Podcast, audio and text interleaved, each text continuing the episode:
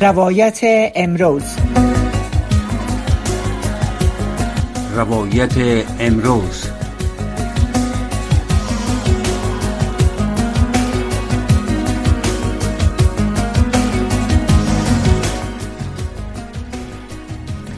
شنونده های عزیز برنامه روایت امروز سلام. آرزو دارم هر جای هستین ساعت و سلامت باشین. و بیننده و شنونده برنامه های رادیو آشنا صدای امریکا هم باشین. در برنامه امروز روایت امروز البته در رابطه به صحبت های اخیر جان کربی هماهنگ کننده ارتباطات استراتژیک شورای امنیت ملی امریکا صحبت می‌کنیم که اونا رد کردن سلام سلام. صدا بشد پایین است. سلام علیکم. صدا ما دارین؟ بسیار پایین بسیار پایین. صدای شما بسیار پخش است. مازم کار تکنیکی ما خواهش می‌کنم. اگر امکان داشته باشه صدای آقای دانش بلندتر کنین چون صدای ما رو نمیشنون درست است؟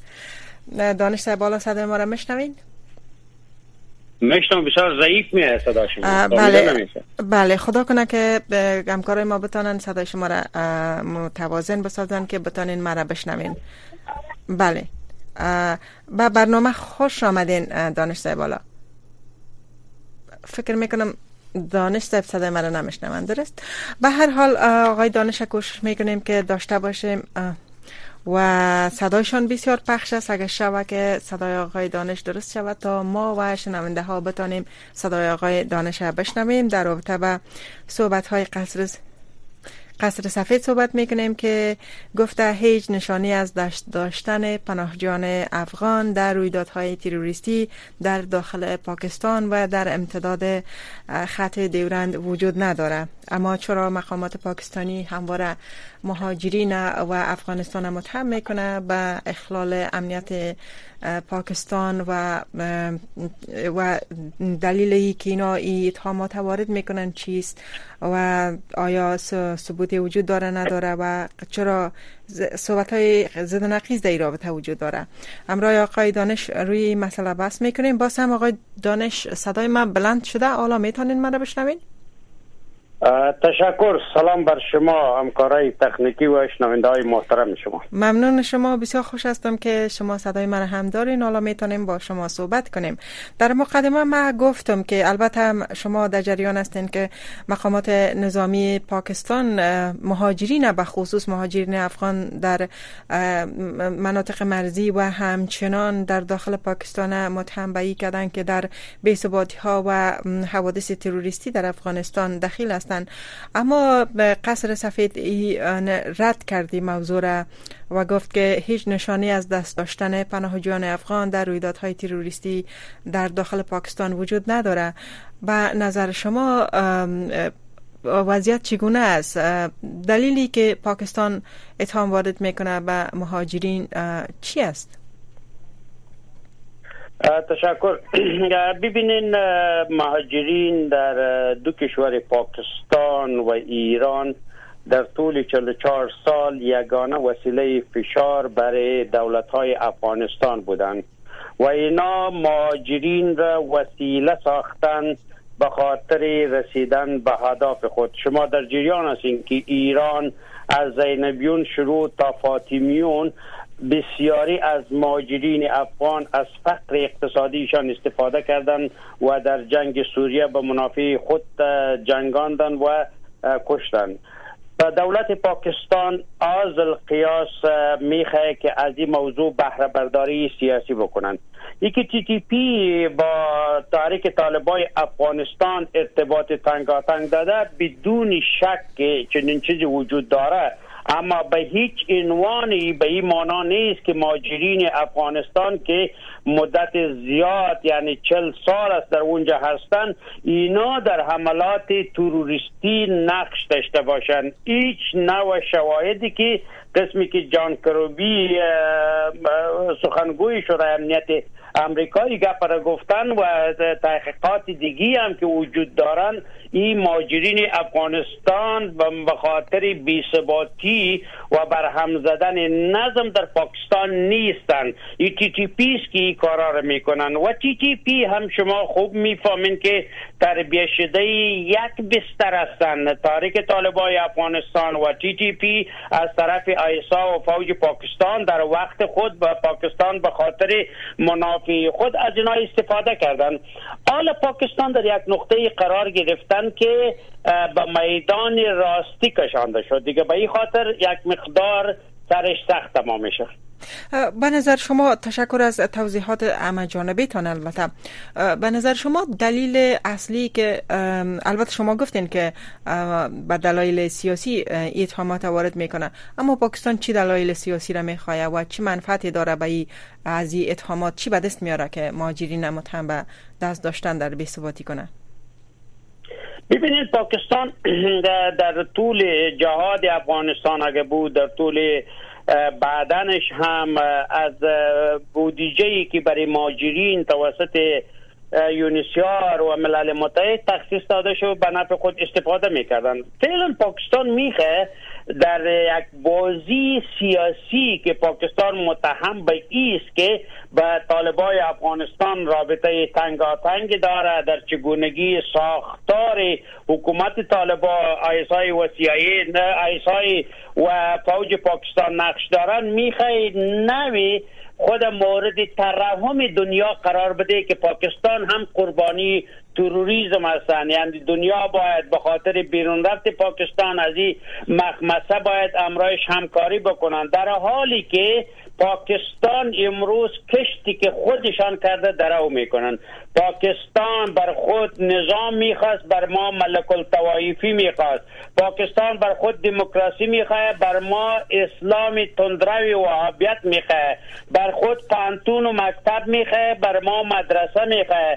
بر خود تجارت و سرمایه گذاری به ما قچاق مواد مخدر می‌خواه پاکستان امروز تی تی پی چه خواستی از پاکستان داره؟ میگه که بیا شریعت را در اینجا پیاده بکنین. وقتی که پاکستان مدافع تطبیق شریعت در کشورهای همجوار خود است اینمی شریعت ده که بر ما تو فراوان کرده اینمی شریعت را در کشور خود تطبیق بکنن که دیگه کدام جنجال بین تی تی پی و نظام پاکستان وجود نداره. اگر پاکستان قوانین انگلیسی را از خود بکنه مطابق شریعت را که تاریک طالبای افغانستان در افغانستان می‌خواه عین شریعت در تی تی پی در پاکستان می‌خواه دیگه. وقتی که تربیت کرده بود این حال فعلا تطبیق بکنه.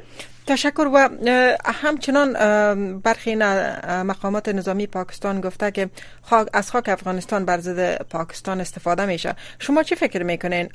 طالبا خب بین طالبا و پاکستان خصوصا آیس آی و نظامی هایش به گفته شما همچنین روابط بسیار نزدیک و تنگاتنگ وجود داشت. حالا چرا می‌خوان در حالی که حکومت داری در دست طالباست در افغانستان میگن که از خاک افغانستان بر ضد خاک پاکستان استفاده میشه دلیل از این چیز آیا شما فکر می‌کنین کشیدگی های بین حکومت طالبا و پاکستان به وجود آمده؟ در اینجا یک بازی مغلق دیگی جریان دارد بدون شک پاکستان و حکومت پاکستان فوج ایسای پاکستان رابط بسیار تنگاتنگ را به قنده ها رو کابل دارن و همیشه رفت آمدهای را می‌کنن و حتی بسیاری موارد تکنیکی که در بخش استخبارات و اینا هستن طالبا از پاکستان کمک می‌گیره در او زمینه و پاکستان همکاری هم می‌کنه به خاطر تعقیب و گرفتاری های یک تعداد کسا اما یک چیزی که پاکستان خواستش ایست که سران تی تی پی که از حکومت پاکستان فرار کردن و در افغانستان هستند اینا باید تسلیم حکومت پاکستان شوند.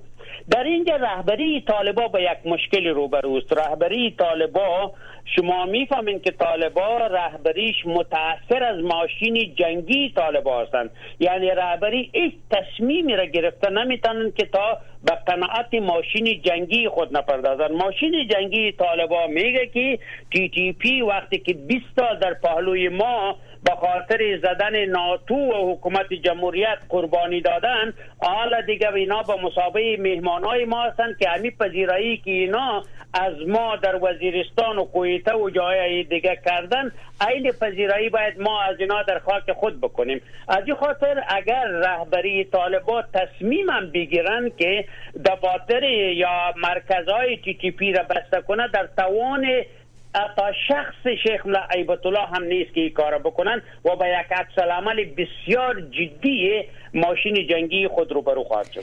در رابطه با ماشین جنگی که شما از چند بار نام بردین البته یک سوال دارم اما قبل از او در رابطه با تی تی پی گفتین. خب این تی تی پی کی است؟ تا در تحلیل هایی که ما داریم همواره گفته میشه که آی اس آی پاکستان تی تی پی را خودش تشکیل داده یا ایجاد کرده به خاطر امو منافعی که در منطقه داره یا امو چیزی که می‌خواه. اما آیا شما فکر می‌کنین تی تی پی جدایی از تشکیل پاکستان است؟ ببینین همین گروپ های تندرو اسلامی همیشه علیه دست قدرت هستند و قدرت ها به خاطر تطبیق اهداف خود از اینا استفاده می‌کنند بنابراین اینا یک نوع بزنس و تجارت است که مثل اساکر کرایی که هر کس اینا رو به کرایه می‌گیره و مثل واگنری که در این طرف و طرف روسا از او استفاده می‌کنن. در اصلی که هدف پاکستان تضعیف ناتو در افغانستان و از هم پاشندن حکومت مرکزی بودن بله تی تی پی در افغان در پاکستان تربیه شدن به سران و جنرال و کرنیل های پاکستان رابطه تنگاتنگ را داشتن. این 45 تا 50 هزار مدرسه ای که پاکستان در خاک خود به خاطر تطبیق و به ترویج تروریسم و افراطیت در اونجا ایجاد کردن اینا خب بدون صلاحیت و اجازه حکومت نیستند اینا در حقیقت در زیر چتر حکومت هستند و در بسیاری در جایا حتی با بودجه حکومت که فضل الرحمن نمونه بسیار بارزی از این مدرسه هاست که در هر نظام پاکستان نقش بسیار کلیدی و اساسی را داره جماعت اسلامی پاکستان از القیاس و ای گپار و حتی شما امران خان را دیدین که در قد پدر طالبا خوانده شد. در وقت حکومت داری خود جوال حق پدر مجاهدین در او خوانده شده بوده. بنابر آن روی کردی گروپ های تروریستی و یا تندروای اسلامی در بعض از مواقع تغییر می‌کنند. امروز اهداف جی تی پی به اهداف حکومت پاکستان در تقابل هستند حکومت پاکستان می‌خواه جمهوریت باشه می‌خواه دموکراسی باشه می‌خواه قوانین غربی در اینجا ولی اینا شریعت را می‌خواه اینا میگه که تا دیروز که ما در خاک افغانستان می جنگیدیم خود در اونجا کفر آمده بود یهود و نصارا بود. امروز خود در اونجا یک رژیم اسلامی است. حال دیگه لبه تیغ مبارزه ما مربوطی به دولت پاکستان میشه که در ساختار خود تغییرات به وجود بیاره شریعت را قبول بکنن حجاب را بیاره قوانین انگلیسی خود تغییر بده که پاکستان در این نقطه گیر مانده که نمی‌تونن. مذاکراتی که در هتل کانتیننتال با وساطت تحریک طالبای افغانستان صورت گرفت و در اونجا سران تی تی پی رفتن به حکومت پاکستان شیشتن در اونجا عین اجندا مطرح شد که فقط ما هیچ مخالفت را نداریم. ما با خاک پاکستان وفادار هستیم. ما خاک خود دوست داریم. نمی‌خوایم که بند و پلچک و سرک را انفجار بدیم. نمی‌خوایم که پاکستانی کشته شود. فقط بیاین پاکستان را یک نظام اسلامی بسازیم که در اونجا یک مقدار اینا عقب نشینی کردن. گفتن که ما تلاش می‌کنیم ولی چون نمی‌تونه با وعده های خود نظر به ساختاری که داره وفا بکنه. حالا که تی تی پی پس دوباره شمشیر کشیده به روی خود پاکستان. به نظرتان ای تی تی پی حالی عسکر کرایی کیسته؟ سابق خب خود پاکستانی رو بر علیه دیگر خصوصا افغانستان به تحلیل شما استفاده می‌کرد. حالا اینا به جانب کی کار می‌کنن؟ حمایت کی به دست میارن؟ و مقصدشان از کجا تمویل میشه؟ و کی اینا رو به کرایه گرفتن؟ حاضر ببینین در همچون وضعیت ها بسیار کسا کوشش می‌کنن که همچون لابیگری و یا همچون اسکرگیری را بکنن. اختلافات بسیار شدیدی که بین هند و پاکستان وجود دارن و هندوستان بسیار از این عربه خوش میشن به خاطر تضعیف حکومت استفاده شوند. احتمالات از که زیادترین رابطه تی تی پی تامین و در آینده هم قوی تر بشه با هندوستان وجود داره. بنابراین این یگانه وسیله انتقامگیری در بخش کشمیر هستند که می‌تونن از تقویه کردن تی تی پی و اینا.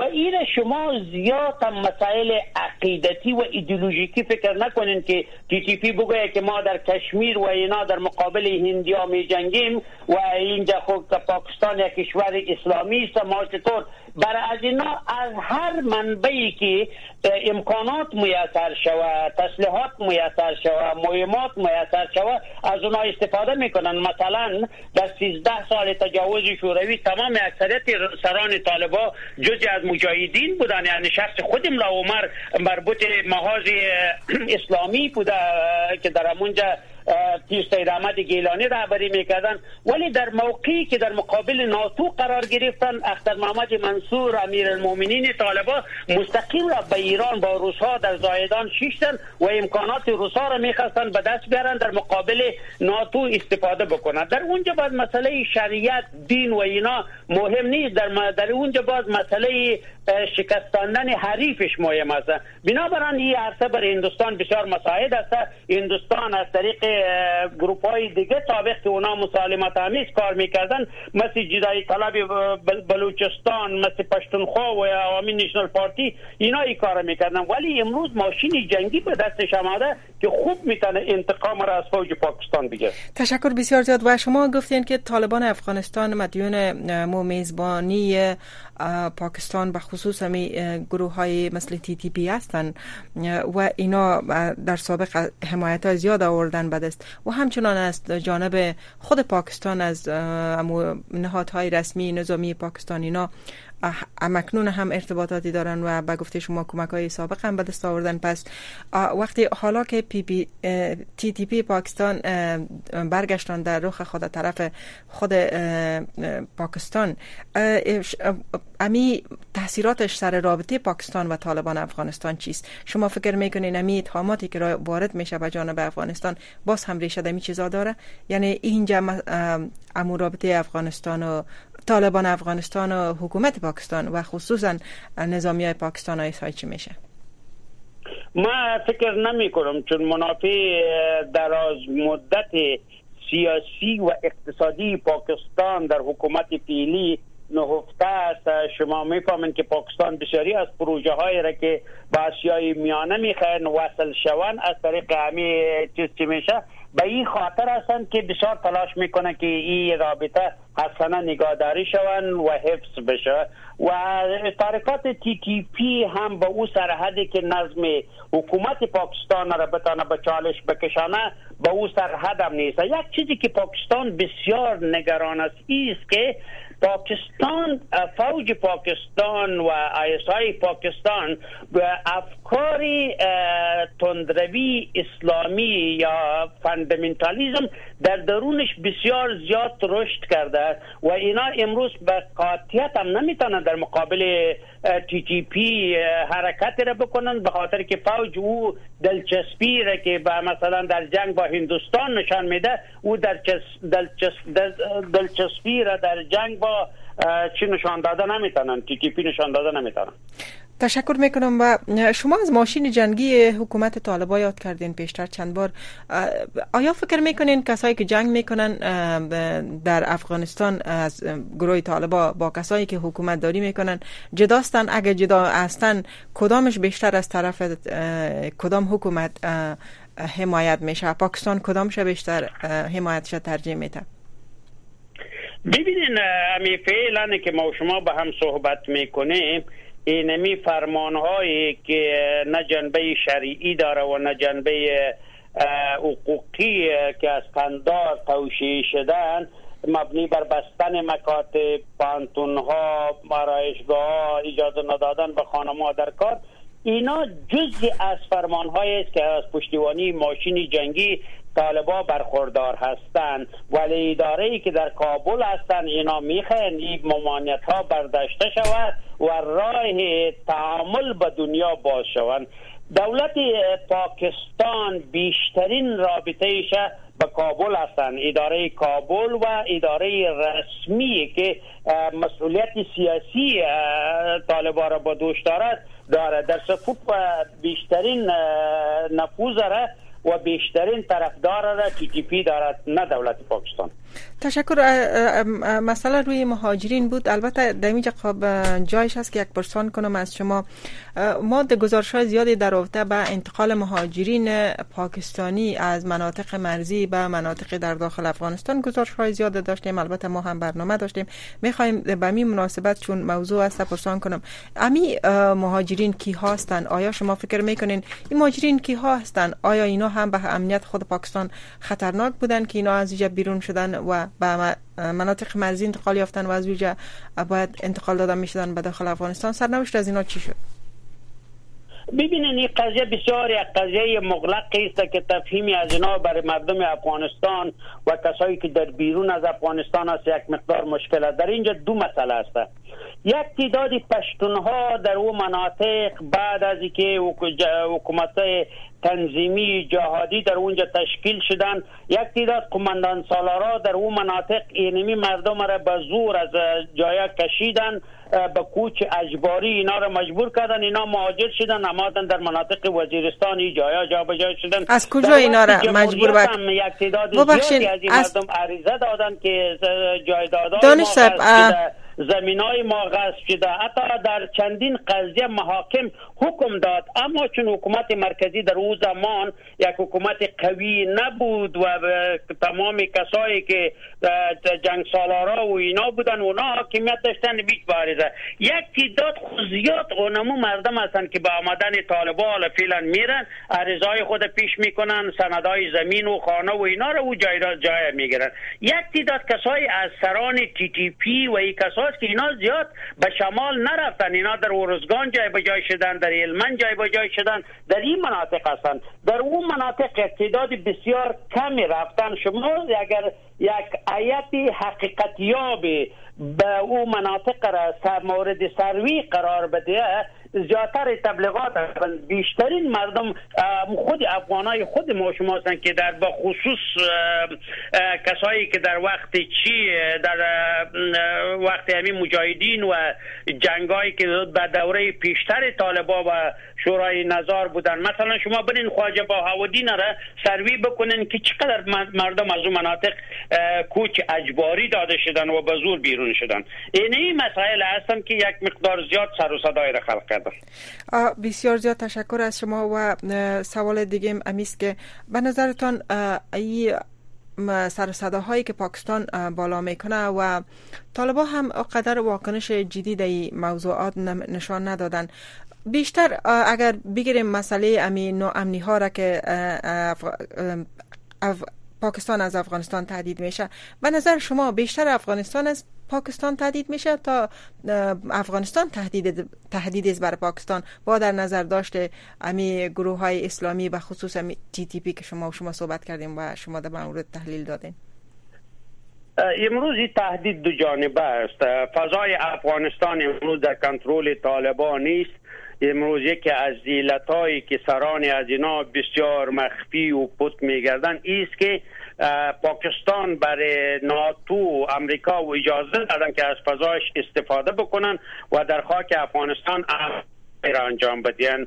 طالبا یک حراسی را دارن که اگر در تقابل با کشورهای غربی به خصوص ایالات متحده آمریکا قرار بگیرند از فضای پاکستان بیشترین رهبرایشان target خواهد شد و کشته خواهد شد. یعنی یک احساس خطر بسیار زیاد را از خاک پاکستان تا حکومت بر حال طالبا می‌کنن اما در موردی از اینکه تی تی پی و ماشین جنگی تی تی پی و مرکز training بدون چون چرا که از پشتیبانی حکومت طالبا برخوردار هستند طالبان نمی‌تونن از این قضیه انکار بکنن. طالبا بسیار یک جسد خوب را پیش بردن. مثل که یک وقت دولت افغانستان می‌گفت که شما برای پاکستان می‌گفت همین طالبای افغانستان را بیار به صلح حاضر کنین. شما اجازه ندین که از خاکتان استفاده کنن. پاکستان مشکل داخلی خود شما برین مشکل داخلی تان خودتان حل بکنین.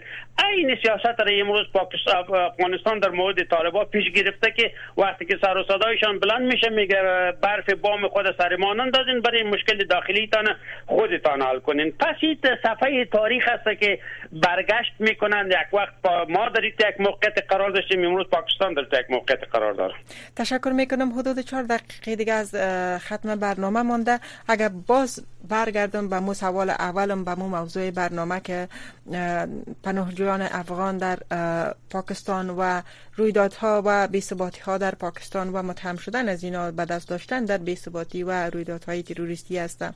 و نظرتان این اتهامات و این بحث هایی که گاه ناگاه بالا میشه اگر دلیلش هر چی که هست برای مهاجرین افغان در پاکستان چه مشکلاتی را به بار میاره؟ چون مهاجرین افغان در پاکستان شمارشان کم نیستند. اگرچه ارقام دقیقی وجود نداره شاید سی میلیون نفر در پاکستان از افغانستان مهاجر باشند. با شما چه, فکر می‌کنین؟ و بالای زندگی از اینا و فعالیت هایشان در پاکستان چی تاثیری داره؟ امی قسم صحبت ها و گپ هایی که بالا میشه گاه نگاه ببینین در امروز بدبختترین مردم که در سطح جهان هستند ماجرین افغانستان هستند. در هر کشوری که در مورد ماجرین افغانستان کشور مطبوع هر نوع سیاست را وضع بکنن حق تلفی بکنن حقشان پایمال بکنن هیچ مرجع بازپرسی در مورد ماجرین افغانستان وجود ندارن. دلیلش است که دولت طالبان را هیچ کس به رسمیت نمی‌شناسن هیچ کس رابطه دیپلماتیک را ندارن هیچ کس گپ دولت طالبان را جدی نمی‌گیرن. بیشترین زندانیای غیر قانون و زندانی های نحق افغان ها در زندان های پاکستان هستند در زندان های ایران هستند. دو تا افغان اعدام شدن در ایران. حتی اجازه برای وکیل مدافع داده نشد که اینا بتن وکیل مدافع بگیرن که آیا واقعا در همی جلچراغ اینا دست داشتن یا نداشتن. هیچ اجازه ای را ندادن. بسیار بی محبا افغان ها را بردن اعدام کردن. دو تا جوان حالا جوان ها را به چی حساب اعدام شدن؟ چرا حساب شدن؟ هیچ مرجعی باز پاسپورتی وجود نداره. زنا را می‌گیرن به در کراچی بندی می‌کنن اینا را زندانی می‌کنن مردا را زندانی می‌کنن. کسی نیست که از اینا پرسان بکنن در مرزها که افغان ها از بدبختی مصیبت فقر اقتصادی مهاجر میشن. یعنی اینا را خوب صحیح می‌فهمند که اینا به خاطر اینمی مجبوریت هایشان به گلوله میبندن می‌کشن ترباران می‌کنن به دست قچاقبرا میفتن و از اعضای وجودشان قطع می‌کنن ولی هیچ مرجع بازپرس وجود ندارن به این خاطر این برخوردار پاکستان هم که می‌کنن در اینمیت یک وضعیت قرار دارین. و این مصیبت امروز سر افغان هستند که افغانستان در بدترین وضعیتی که افغانستان در درون خود مردمش نمی‌تونن زندگیشان مجبور هستن با مهاجرت دست بزنن هیچ زمینه کاری و هیچ حکومت مسئولی هم وجود نداره که از حال اتباع خود بتانه در کشورها پرسان رای حل وجود داره که کوتاه بگوین کمتر از یک دقیقه داریم. بله. رای حل وجود داره به این مشکل؟ بر فعلا خو نه تا زمانی که یک حکومت با ثبات و یک حکومت مرکزی قوی مورد تایید دنیا در افغانستان ساخته نشود ماجرین در امیت یک وضعیت هستند دیگه. هر وقت یک حکومت مرکزی قوی با موردش از اینکه ملل متحد جامعه جهانی به رسمیت بشناسن اونا بعد از درب دیپلماتیک خود می‌تونن قضایای ماجرین را حل بکنن. این شما در تمام کشورها ماجرین افغانستان مشکل پاسپورت دارن. وقتی پاسپورتشان ختم است هیچ مرجعی نیست که برای از اینا پاسپورت بده. یعنی استیکر می‌زنن یا به یک شکلی از بسیار وضعیت بد زندگی می‌کنن بنابراین ما انتظار عزیز داریم که صاحب یک حکومتی شویم که با بله. دنیا تعامل داشته باشد. تشکر آقای در دیپلماتیک باشه و ماجرین از این مصیبت نجات پیدا کنند بسیار زیاد تشکر از شما محترم هاشم دانش تحلیلگر نظامی سیاسی منطقه که در برنامه با ما حضور داشته نگرچه نمی‌تونیم سوالای بیشتری از شما داشته باشیم اما امیدوار هستیم در برنامه دیگه باز هم شما با ما باشین و نظریاتتان درباره مسائل افغانستان منطقه داشته باشین. اما فعلا از خدا از شما خدا حافظی می‌کنیم چون برنامه ختم شد. تشکر از کسانی که با برنامه روایت امروز بودن بیننده و شنونده برنامه بودن و برنامه همیشه به پایان می‌رسه ما شما را به خداوند میسپاریم. اما در به یک ساعت دیگه در برنامه صدای شما ما فوزی ایسان و زیبا جان خادم همکارم میزبانتان خواهیم بود. وقت خوش داشته باشید